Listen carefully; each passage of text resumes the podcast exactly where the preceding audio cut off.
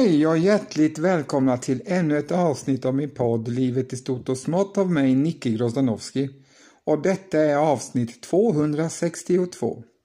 Efter att det förra avsnittet träffat den fantastiske tågforskaren och den blivande författaren Birger Lindholm och gjorde ett avsnitt som handlade om tågets historia så kommer jag nu att fortsätta den påbörjande historien om det romerska rikets uppkomst och fall. Och vi har kommit till avsnitt nummer 6 i min serie. Och i förra avsnittet så slutade vi när den julisk-klaudiska eh, dynastins siste kejsare Nero tog sitt eget liv år 68. Och eh, efter det så fortsätter den dramatiska historien om romarriket. De romerska kejsarna Galba, Otto och Vitellius som följde efter Neros självmord kallas revolutionskejsarna. De härskade var och en för en kort tid under fyrkejsaråret. Efter kejsar Neros självmord i juni 68 och det politiskt-ekonomiska kaos som rådde i romarriket låg fältet öppet för lycksökare till kejsartronen. I Rom rådde dock en maktkonflikt mellan senaten, republikanskt, och hären som var kejsartrogna och en framgångsrik kandidat måste således bli accepterad av bägge maktgrupperna. Ämbetsmannen Galba förlitade sig på senatens stöd och försökte på grund av statens ekonomi agera för besparingar, vilket gjorde honom impopulär i hären, särskilt bland trupperna i Germania Superior Hans konkurrent Otto lyckades då få pretoriangardet på sin sida och Galba mördades i januari 69.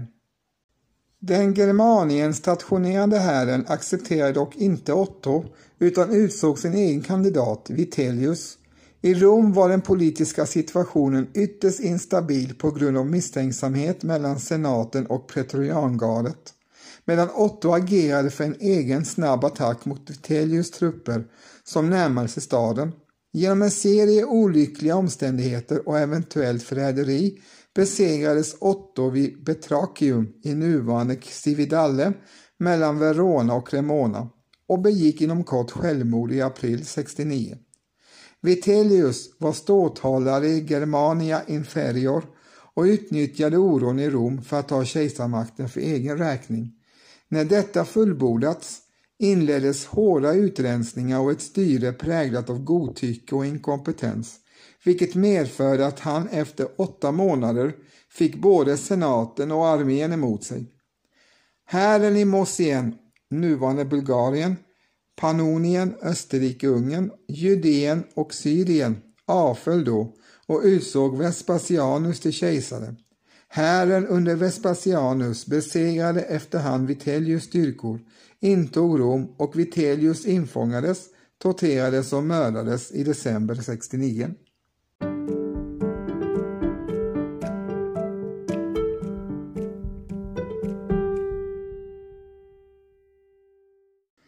Vespasianus, född som Titus Flavius Vespasianus blev kejsare som imperator Caesar Vespasianus Augustus föddes den 17 november år 9 i Falklinae och dog den 23 juni 79. Han var romersk kejsare från och med den 1 juli 69 till sin död. Han var den sista kejsaren under den fyrkejsaråret och grundade den flaviska dynastin. Vespasianus var den första romerske kejsaren som inte tillhörde en aristokratisk släkt.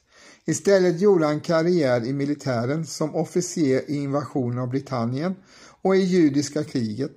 Han var far till Titus, Dominitanus och Flavia Domitila den yngre, gift med Flavia Domitila den äldre och sambo med Antonia Caneis både före giftermålet och efter hustruns död. Vespasianus tog makten i slutet av fyrkejsaråret och de tre övriga var som tidigare nämnts revolutionskejsarna Galba, Otto och Vitellius. Till skillnad från de tidigare kejsarna hade Vespasianus sitt ursprung i det romerska riddarståndet och inte i senaten. Hans farfar Flavius Petro kom från Retae i Sabinerlandet och blev skatteindrivare efter att ha tjänat som centurion i inbördeskriget. Och fadern Flavius Sabinus var tullindrivare i Asien och bankir i helvetinernas land. Vespasianus och hans bror var den första generationen i sin släkt som tjänstgjorde som senatorer. Under Tiberius styre var han militärtribun i Trakia och questor av Kreta ett Cyrenica. Under Caligulas tid var han preator varefter han ledde andra legionen i erövringen av Britannia 43-47 under Claudius styre. Han blev därefter konsul och tjänstgjorde senare som guvernör i Afrika Terra. År 67 behövde Nero Vespasianus som guvernör i Judea där en judisk revolt brutit ut. Han skickades dit med tre legioner för att kväsa upproret och arbetade systematiskt med att bekämpa rebellerna fram till Neros självmord år 68 och det politiska kaoset under fyrkejsaråret 69. Efter att ha utropat sig till kejsare lämnade Vespasianus det judiska upproret i sin son Titus händer och begav sig till Egypten, antagligen för att säkra spannmålsleveranser till Rom. Samtidigt ledde Syriens guvernör Mykanianus huvuddelen av Vespasianus armé mot Italien, men innan Mucanianus trupper ens hunnit korsa Bosporen hade också Donauarmén förklarat sitt stöd för Vespasianus och börjat sin marsch mot Rom. Även om det skulle visa sig att Donauarmén som skulle vara den armé som besegrade Vitellius trupper och intar Rom skulle Mukanius senare ha stort inflytande i romarriket. Medan kriget om imperiet vanns av Donauarmén i Italien stannade Vespasianus i Alexandria i väntan på Jerusalems fall.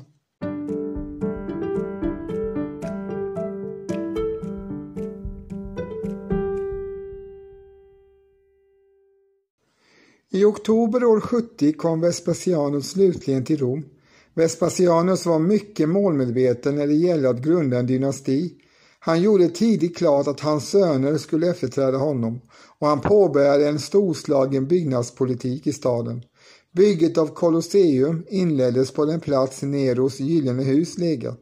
Han lät bygga klart det enorma Claudius-templet på Sealius vilket han gjorde att han förknippades med den judisk-claudiska ätten. Arkeologer anser sig 2009 ha funnit ruinen efter Vespasianos storslagna villa, cirka 14 000 kvadratmeter stor, som han lät uppföra i sin födelsestad. Efter kriget 69 var statskassan tom och Vespasianus kungjorde att 40 miljarder sestertius omgående behövdes till statskassan. Gamla skatter höjdes, nya hittades på och man började en omfattande försäljning av statliga ämbeten. Inga medel skyddes för att rädda statsfinanserna. Vespasianus gick så långt att han införde avgift på offentliga toaletter. Vespasianus dog 69 år gammal och efterträddes av sin son Titus. Senaten förklarade Vespasianus gudomlig. Hans aska begravdes i det judisk-klaudiska mausoleet.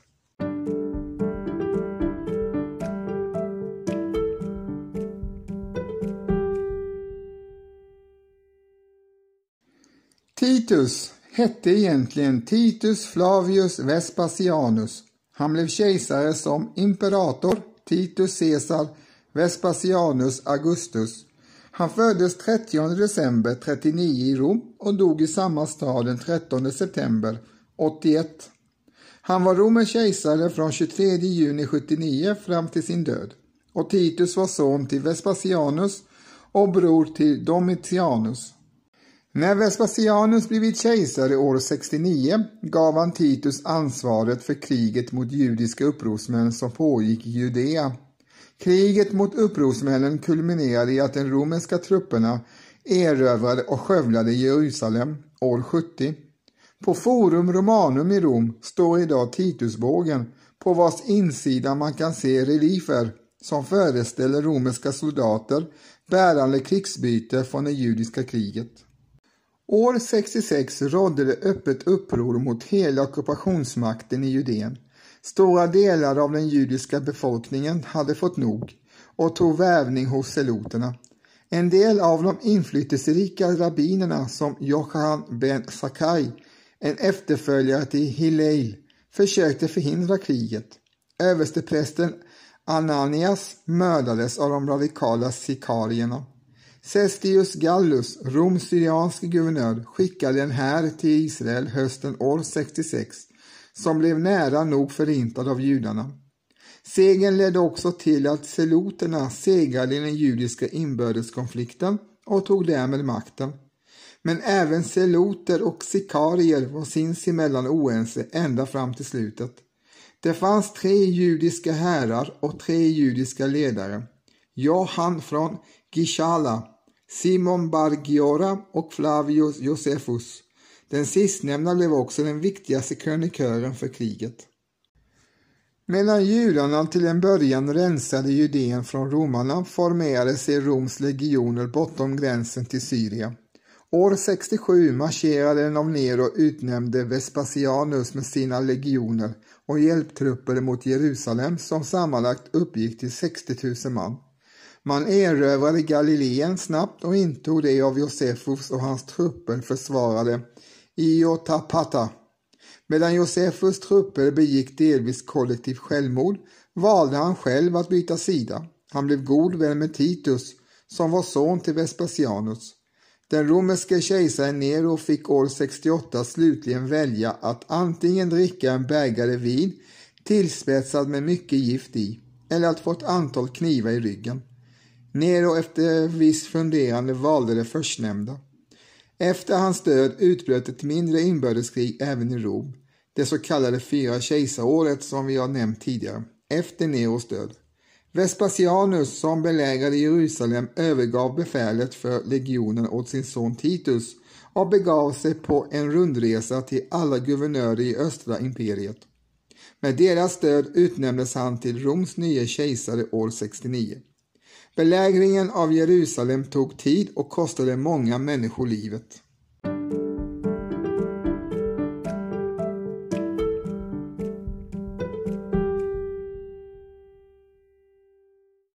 Titus trupper hade fällt vartenda träd i en omkrets av 15 kilometer runt Jerusalem för att bygga ramper och anfallstorn. De av hunger försvagade invånarna fick slutligen ge upp år 70.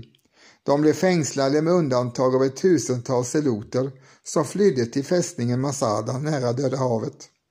Staden förstördes till grunden och av templet återstod endast grundmurarna, dagens klagomur.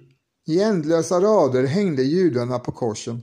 Så gott som alla män avrättades. Kvinnor och barn såldes som slavar. Ledarna häktades och fördes till Rom där de uppvisades i triumftåget för seger och ära och därefter avrättades. Innan och samtidigt med Jerusalems fall flydde i alla fall seloterna och tydligen också delar av invånarna. Det ligger nära till hands att det fanns präster ur templet som förde iväg en del av tempelskatten och framför allt judarnas heliga skrifter. De nyaste av dessa skrifter skrev just år 70. Allt fler forskare tror på att rullorna i Qumran kom från Jerusalems tempel och fördes till grottorna ovanför Döda havet under dessa ödesdigra timmar. Men största delen av tempelskatten hamnade i romarnas ägo och användes för att finansiera bygget av Colosseum i Rom. Seloterna försvarade sitt Guds rike i Massadas fästning mot romarna. Det tog nästan fyra år innan romarna till sist kunde övervinna ivrarna. Några timmar innan stormningen av fästet begick de 900 seloterna kollektivt självmord. Bara två kvinnor och fem barn överlevde. Följande årtionde flyttade många judar bort från Judeen. Den judiska diasporan fanns främst runt Medelhavet, framförallt i de större städerna, som till exempel i Alexandria i Egypten, som vid den här tiden hade cirka 500 000 invånare. Där fanns det upp till 150 000 judar och i Rom upp till 50 000 judar. Men många judar flyttade också till Persien där de hade betydligt gynnsammare villkor än i det romerska imperiet. Exakt hur många judar det fanns den tiden vet man inte, men judiska forskare tror att det var fler än en miljon. I en romersk folkräkning kring år 40 nämns ett antal på 6 miljoner romerska medborgare. De fåtal judekristna som ännu fanns kvar i Jerusalem flyttade bland annat till Efesos. Arkeologiska utgrävningar visar att klagomuren Jerusalem faktiskt är delar av fundamentet som hörde till det herodianska palatset och till det andra judiska templet. Vid utgrävningar i Galileen hittade arkeologer ett system av katakomber som daterades till tiden innan upproret började, vilket tyder på att upproret inte var spontant utan noga planerat. Trupperna i den romerska provinsen Judea bad Titus att han skulle ta dem med sig hem till Rom. Eventuellt planerade Titus då ett kuppförsök mot sin far, men Titus återvände ensam. I huvudstaden Rom hyllades han och fadern tillsammans och Titus blev befälhavare över pretorianerna. Han fick poster som folktribun, censor och ett flertal utnämningar till konsul. Titus blev nu militärt Roms starke man och som sådan var han väldigt impopulär. Något som det faktum att han under en period hade en kärleksaffär med den judiska drottningen Julia Berenice bidrog till. Titus förblev lojal mot sin far Vespasianus som man förväntade sig ärva kejsartiteln av. Den 23 juni år 79 dog Vespasianus. Titus tog då över makten snabbt och fredligt. Han hade en dålig relation till sin bror Domnitanus, men var mycket populär som kejsare, en popularitet som vanns med stora offentliga utgifter som bistånd till Campania efter vulkanen Vesuvius utbrott år 79, återuppbyggnaden av Rom efter den omfattande branden år 80 och färdigställandet av Colosseum, egentligen hette den den Flaviska amfiteatern, som hans far påbörjat. Invigningen av Colosseum blev en stor fest som varade i över hundra dagar. Titus dog ung endast 41 år gammal och det har spekulerats i att brodern Domnitanus hade ett finger med i spelet. Titus enda barn, dottern Flavia Julia, levde efter att hennes man dött år 84 som sin bror Domnitanus älskarinna.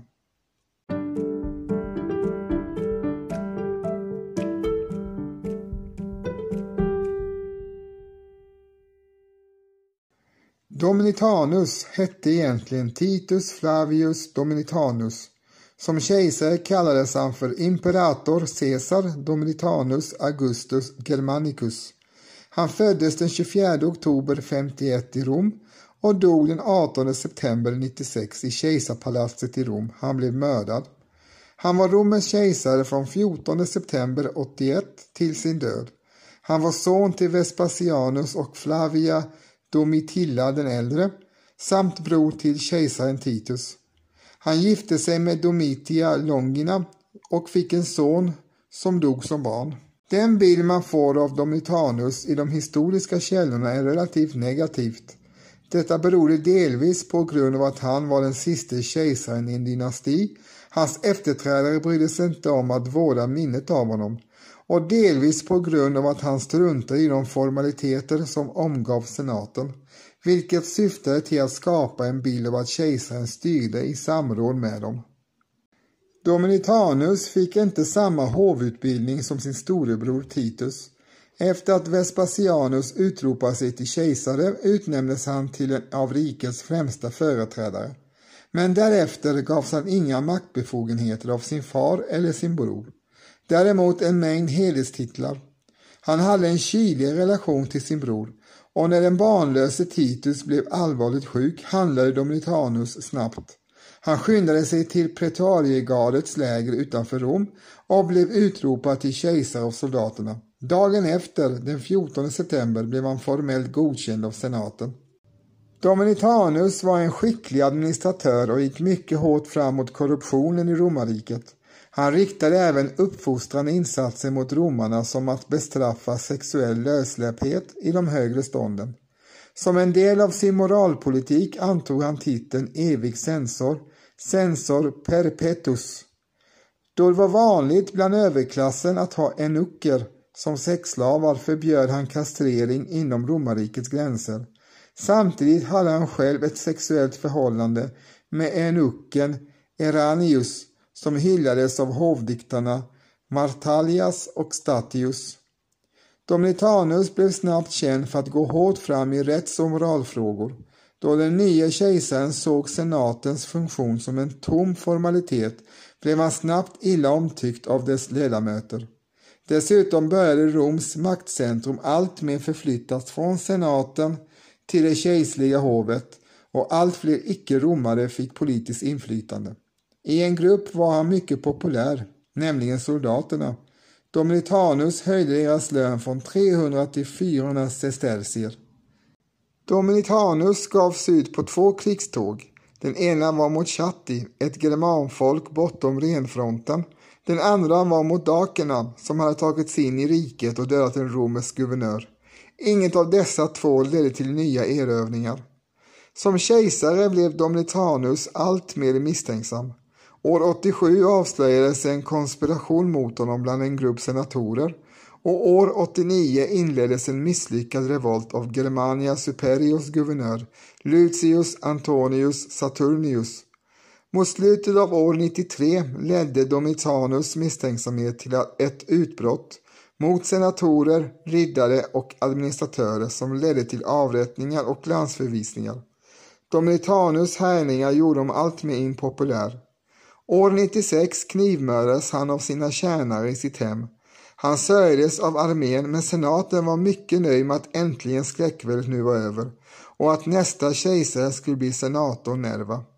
Senaten lät efter Domitianus död omstöta alla hans statyer och förklara alla hans regeringshandlingar för ogiltiga och kraftlösa.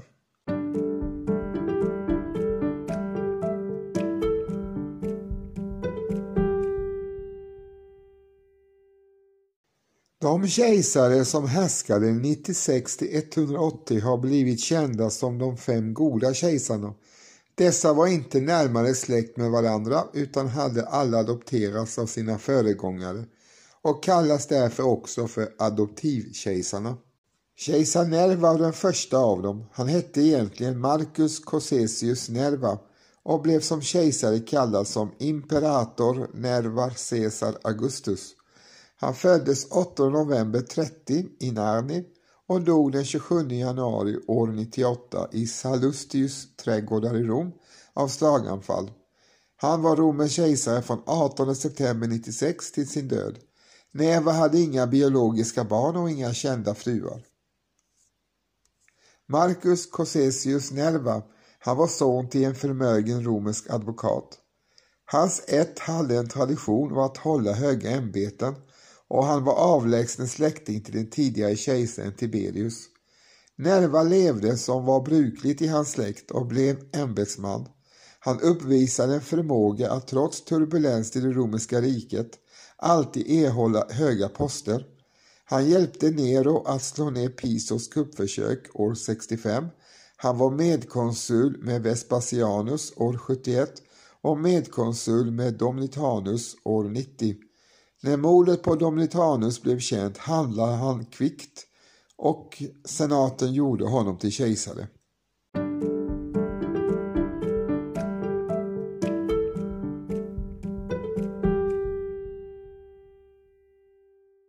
Trajanus, han föddes alltså som Marcus Ulpius Trajanus och som kejsar fick han det långa namnet Imperator Caesar Divi Nervae Filius Nerva Trajanus.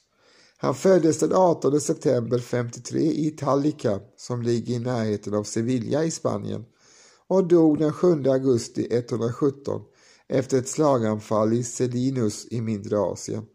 Han var romersk kejsare från den 28 januari 98 fram till sin död. Han var gift med Pompeia Plotina. Traditionellt ses han en av de främsta romerska kejsarna. Av detta skäl fick han hederstiteln Optimus, den bäste, under sin livstid och under senantiken blev det traditionsenligt att ropa citat ”lyckligare än Augustus, bättre än Trajanus” slutcitat till kejsaren. Asteroiden 7445 Trajanus är uppkallad efter honom. Trajanus föddes i Spanien i en anrik romersk familj som valt att flytta dit från Italien. Han blev på så sätt den första kejsaren som inte hade italiensk ursprung. Hans far, som också hette Marcus Ulpius Trajanus, hade gjort en lysande karriär som befälhavare för tionde legionen i det judiska kriget.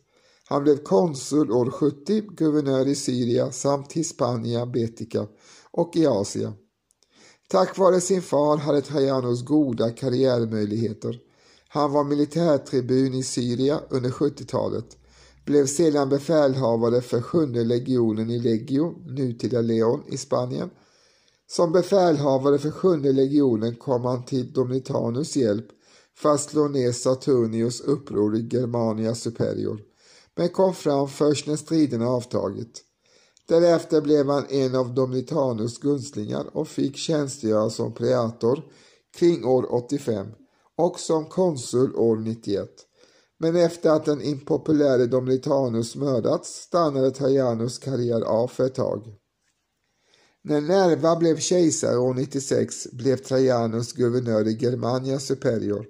Senare samma år anlände ett meddelande om att Nerva adopterat honom Nerva som var impopulär bland militärerna efter ett myteri som Pretoriangardet gjorde år 97 var tvungen att stärka sitt stöd inom militären. Därför adopterade han Trajanus. Istället för att åka och återställa ordningen i Rom bjöd Trajanus in ledarna för myteriet. Han gjorde det under förevändning att han skulle ge dem en särskild utmärkelse, men istället lät han avrätta dem. Tillvägagångssättet stärkte Trajanus auktoritet och när han blev kejsare vid Nervas död såg han inget skäl att besöka Rom.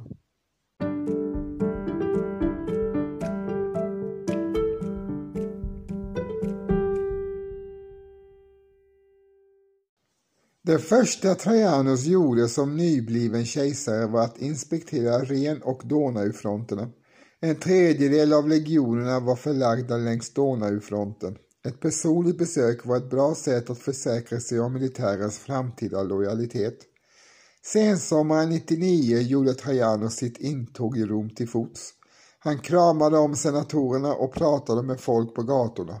Även om Trajanus skulle bli en enväldig härskare kom han att ge intryck av att vara lättillgänglig och till skillnad från Dominitanus hålla sig till de traditioner som ingick i kejsarrollen. Trajanus blev snabbt mycket populär bland folket och senatorerna. Historikern Dio Cassius berättar att han var mycket förtjust i vin, unga män och krig. Trajanus var en krigisk kejsare. Han var populär bland trupperna och var inte främmande inför att leda dem i strid och dela soldaternas mödor. Eftersom det inte fanns några direkta militära hot mot riket under Trajanus tid är det troligt att krigen återspeglar hans egen lust att erövra. Trajanus två första fälttåg var riktade mot Dakernas rike, då styrt av kung Decabalus. Dominitanus hade aldrig lyckats slå dakerna i grunden och Decabalus hade nu börjat tänja på det befintliga fredsfördraget. Mot slutet av 101 gick de romerska arméerna ledda av Trajanus över Donau och besegrade dakerna vid Tapai. Vintern 102-103 gav sig Decabalus på ett misslyckat motanfall över Donau. År 103 svarade Trajanus arméer med att gå djupt in i Dakien och belägra huvudstaden Samisegusta Decabalus gick då med på ett fredsfördrag där stora landområden norr om Donau blev romerska. Freden höll inte och år 105 begav sig Trajanus åter till Daken. De romerska utposterna där hade redan fallit men den här gången kunde romarna dra nytta av den nybyggda bron över Donau för att snabbt avancera in i Daken. Det räckte att Trajanus trupper dök upp för att många av Decabalus allierade skulle överge honom. De romerska arméerna gick nu rakt mot Semis Augustas som intogs och plundrades. Decabalus flydde, men när han var nära att tillfångatas begick han självmord. Mot slutet av 106 hade allt motstånd kvävts. De dakiska fälttågen kom att förevigas på Trajanus-kolonnen. År 114 var det dags för ett nytt fälttåg mot Patien, ett rike som en gång varit mäktigt men nu var i nedgång. Detta krig skulle vara till kejsarens död. Krigsorsaken var att partierna lyckades sätta en partisk kung på tronen i Armenien, ett kungadöme som då var en buffertstat mellan Partien och romarriket. Trajanus svarade genom att helt enkelt gå in i Armenien och göra landet till en romersk provins. År 116 erövrades hela Mesopotamien inklusive den partiska huvudstaden Stesifion. År 116 inleddes ett uppror i Mesopotamien och år 117 misslyckades Trajanus med att inta Hatra. Samtidigt gjorde judarna i Syrenika uppror varefter oroligheterna spred sig till provinserna Egyptus och Cyprus. Rikets norra gräns sattes nu också under allt starkare tryck. Trajanus lämnade nu sin armé i Syrien och reste till Rom för att ta itu med krissituationen. Under tiden med motgångar hade Trajanus hälsa försämrats och han var redan sjuk då han återvände till Rom. Den 9 augusti 117 dog han i vad som troligen var ett slaganfall. Hans aska placerades i Trajanuskolonnens fot.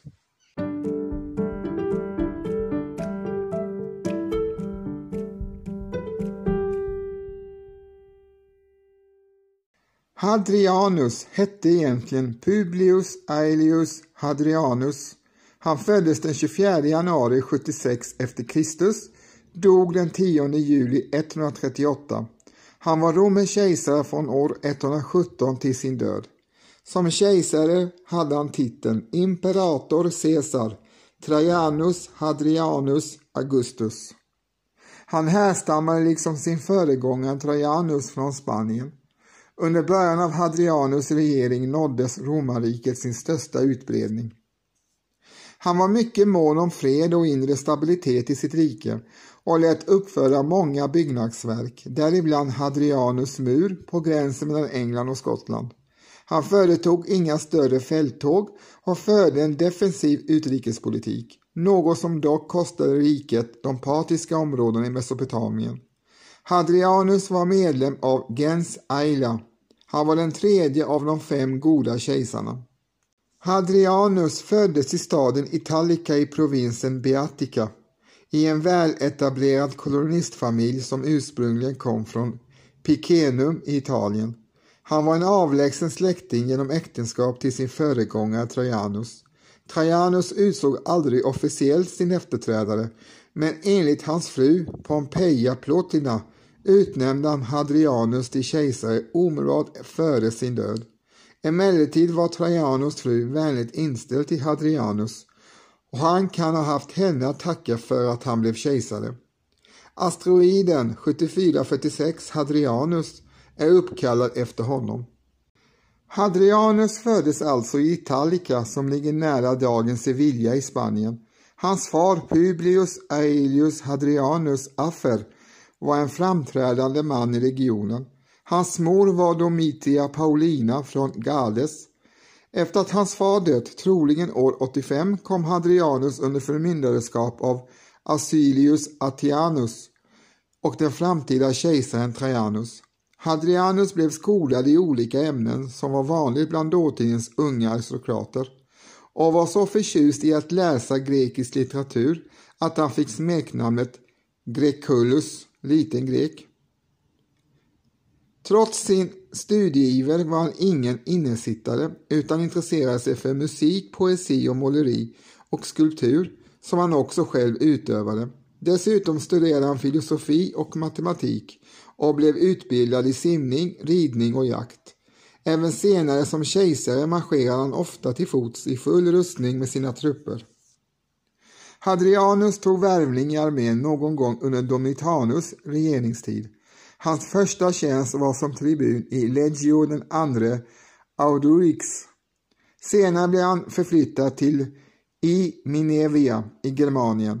När Nerva dog år 98 skyndade sig Hadrianus att informera Trajanus personligen. Han blev senare legatus för en legion i övre Pannonien och slutligen guvernör för denna provins. Han var också arkont i Aten under en kortare period och utsågs till atensk medborgare. Hadrianus var aktiv i kriget mot dakerna som legatus för femte Makedonica och sägs ha vunnit utmärkelse från Trajanus för sina framgångar. På grund av att få krigshandlingar skedde under hans tid som kejsare är hans militära kompetens inte särskilt väl dokumenterad men han var intresserad av och kunnig om armén och hans bevisade administrativa förmågor tyder på att eh, han hade en möjlig strategisk talang. Hadrianus deltog i Trajanus expedition mot Partien som legatus i Trajanus stab. Han gjorde inget anmärkningsvärt vare sig under den inledande segerrika fasen eller under den andra fasen av kriget och ett uppror bröt ut i Mesopotamien. Men när guvernören av Syrien måste skickas iväg för att reda ut ett förnyat oroligheter i Dakien utsågs Hadrianus till hans efterträdare och fick därmed ett eget befälsområde.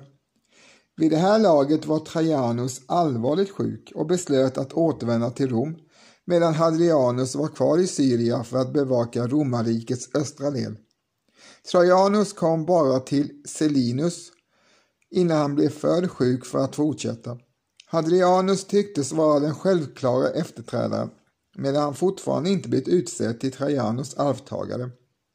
När Trajanus låg för döden och vårdades av sin hustru Plotina, som var anhängare av Hadrianus, utsåg han slutligen Hadrianus till arvinge och dog sedan. Beskyllningarna om att Trajanus aldrig gjorde någon utnämning och att det var själva verket var Plotina som utsåg Hadrianus har aldrig gått att avfärda. Plotina arrangerade också Hadrianus äktenskap med Sabina, en annan släkting till Trajanus.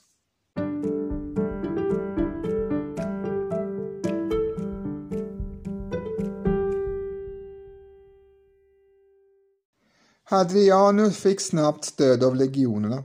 En potentiell motståndare, Lucius Quetius, blev omedelbart avsatt. Senaten godkände utnämningen när möjligen förfalskade adoptionspapper från Trajanus presenterades. Ryktet om att dokumenten var förfalskat, eventuellt av Plotinia, var dock av mindre vikt. Den verkliga källan till Hadrianus legitimitet var stödet från arméerna i Syrien och senatens ratificering.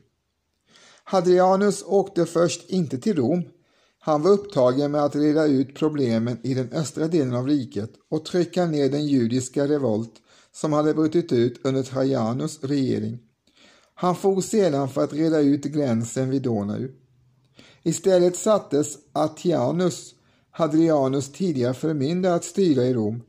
Där uppdagade han en komplott som involverade fyra ledande senatorer, bland dem Lucius Coetius och begärde att senaten skulle döma dem till döden. Det var inte fråga om någon rättegång precis, utan de infångades och avrättades utan vidare. Eftersom Hadrianus inte var i Rom för tillfället kunde han hävda att Atianus hade agerat på eget bevåg. Enligt Elisabeth Speller var den verkliga orsaken till att de dödades att de var Trajanus män.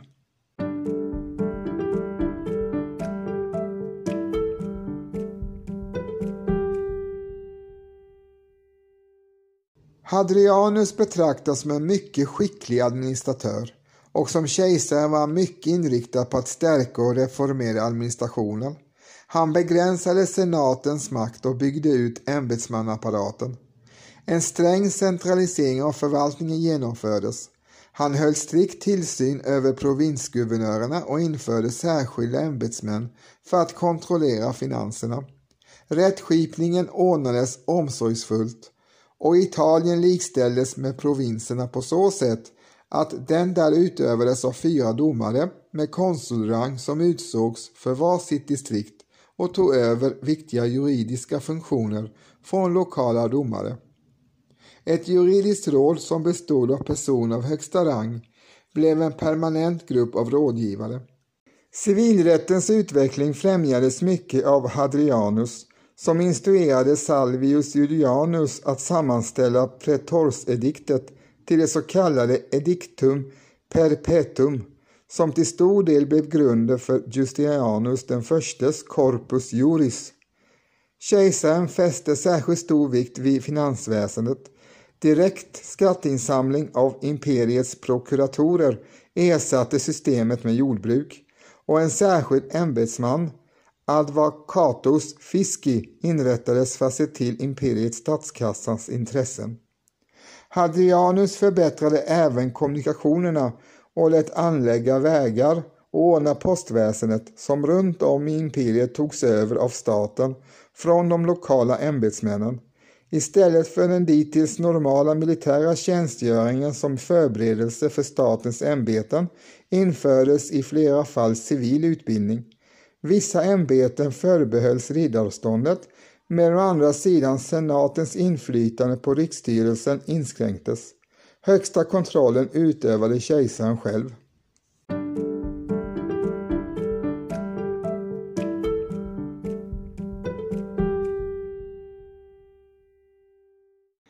Fastän han själv var en utmärkt militär administratör kännetecknades hans regeringstid av en allmän frånvaro av större militära konflikter.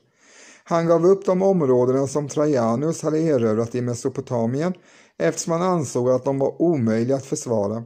Det kom nästan till krig mot Patien omkring år 121 men hotet avvärjdes när Hadrianus lyckades förhandla fram fred Hadrianus slog ner ett väldigt judiskt uppror i Judeen 132-135 som leddes av Bar Kokba. Fredslinjen stärktes av att permanenta befästningar byggdes vid imperiets gränser. Den mest kända av dessa är den omfattande Hadrianus mur i Storbritannien. Gränserna vid Donau och Ren förstärktes med en serie befästningsverk, mestadels i trä, fort, utposter och vakttorn. De senare en förbättring särskilt för kommunikationer och säkerhet i de lokala områdena. För att upprätthålla moralen och undvika att trupperna skulle bli rastlösa upprättade Hadrianus intensiva övningsrutiner och inspekterade personligen arméerna. Hans mynt visade militära bilder nästan lika mycket som fredliga. Hadrianus politik var fred genom styrka eller till och med under hot.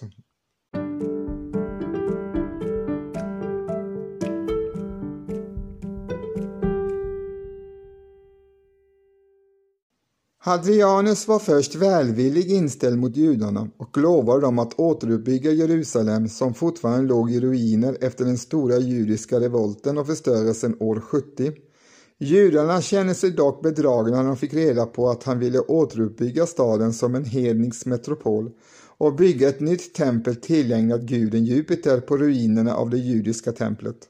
När han förbjöd den rituella omskärelsen av pojkar som han betraktade som stympning blev stämningen alltmer anspänd och ett uppror lett av Bar varade från 132 till 135.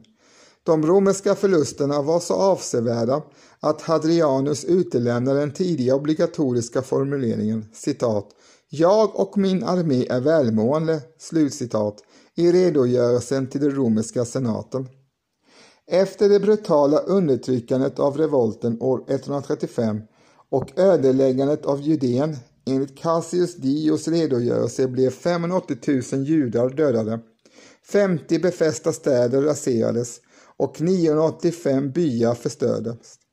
Försökte Hadrianus fullständigt utrota judendomen som han ansåg var källan till de ihållande upproren.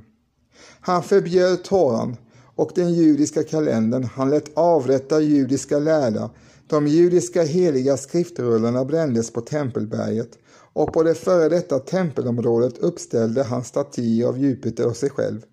I försöket att utplåna minnet av Judeen gav han den romerska provinsen det nya namnet Syria Palestina, en kränkande påminnelse om tidiga fiender till judarna.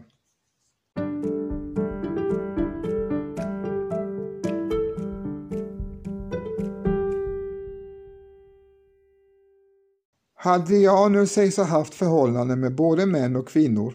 Det finns många rykten om hans kärleksliv före hans tid som kejsare. Vissa hävdar att han hade en affär med Trajanus, andra att han hade en affär med Trajanus fru.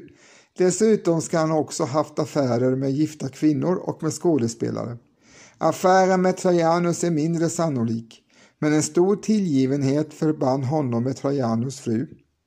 Hans stora kärlek var Antinofs, en ung bitsynier. Man vet inte mycket om honom, inte ens om han var slav eller fri. När han åkte runt i Egypten drunknade Atonifs mystiskt i Nilen år 130. Andrianus blev mycket bedrövad och grundade den egyptiska staden Antinopolis på den plats där Antonifs eh, drunknat. Kejsaren förde in hela imperiet i sin sorg och gjorde Antonivs till sin sista stora guden under antiken. Han lät uppföra många statyer och byster av Antonivs. Hadrianus fick inga barn i sitt äktenskap med Sabina.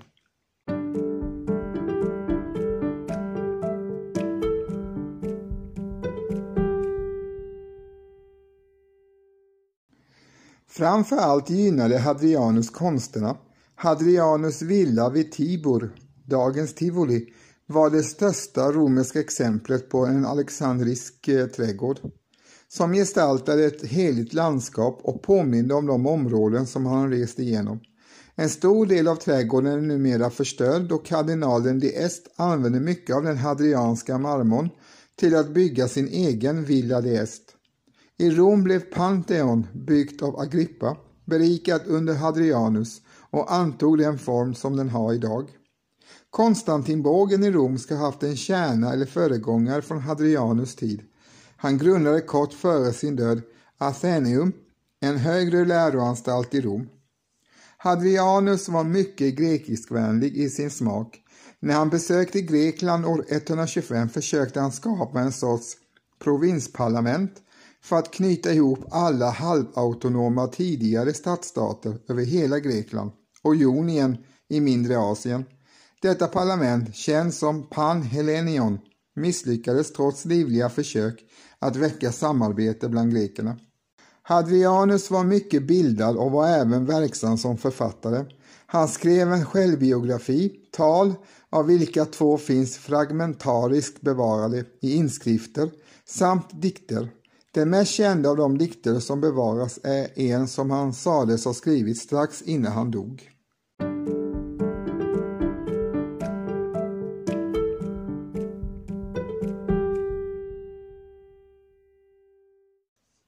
Ja, då har ni alltså fått höra del 6 i min serie om det romerska rikets historia. Och vi har alltså kommit fram till ungefär 130 efter vår tideräknings början.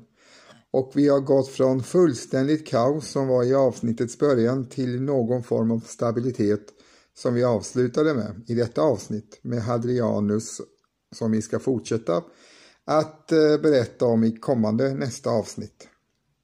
Och vi har alltså verkat eh, dessa kejsare, Galba, Otto, Vitellius, Vespasianus, Titus, Dominitanus och sen gick vi fram till Nerva, Trajanus och så då Hadrianus, eh, där vi alltså slutade. Och eh, i nästa avsnitt så ska han ut på sina många resor som han är väldigt känd för. Men mer om det i nästa avsnitt. I avsnittets början fick ni höra Carl Michael Bellman och hans Fjärilvingar syns på Haga, även kallad för Flermans sång nummer 64. Och som avslutning får ni höra Par Deus med gruppen Gotthard. Min podd utkommer i regel en gång i veckan och då oftast någon gång under helgen. Men det kan även förekomma vid andra tidpunkter under veckan. Det beror lite grann på hur min agenda för respektive vecka ser ut och när jag har möjlighet att spela in nya avsnitt. Och för att inte du som lyssnar ska missa när jag släpper nytt så prenumerera gärna om du inte redan gör det på min podd Livet i stort och smått så missar du inte när jag släpper nya avsnitt. Och medan du väntar på det så botanisera gärna i mina tidigare släppta avsnitt. Det finns 261 avsnitt att eh, hitta sina guldkorn i, vilket jag är övertygad om att du kommer att göra som lyssnar. Mycket nöje med det. Slutligen vill jag tacka dig som har lyssnat på avsnittet och eh, vill du swisha ett valfritt bidrag så går det bra att göra det på 073 358 61 43. Men detta är naturligtvis helt frivilligt. Jag är jätteglad bara ni lyssnar på min podd och mina avsnitt. Så slutligen, jättetack för att ni lyssnade. På återhörande och eh, ha en trevlig vecka så hörs vi nästa vecka igen. Ha det gott! Hej do. Pardeus!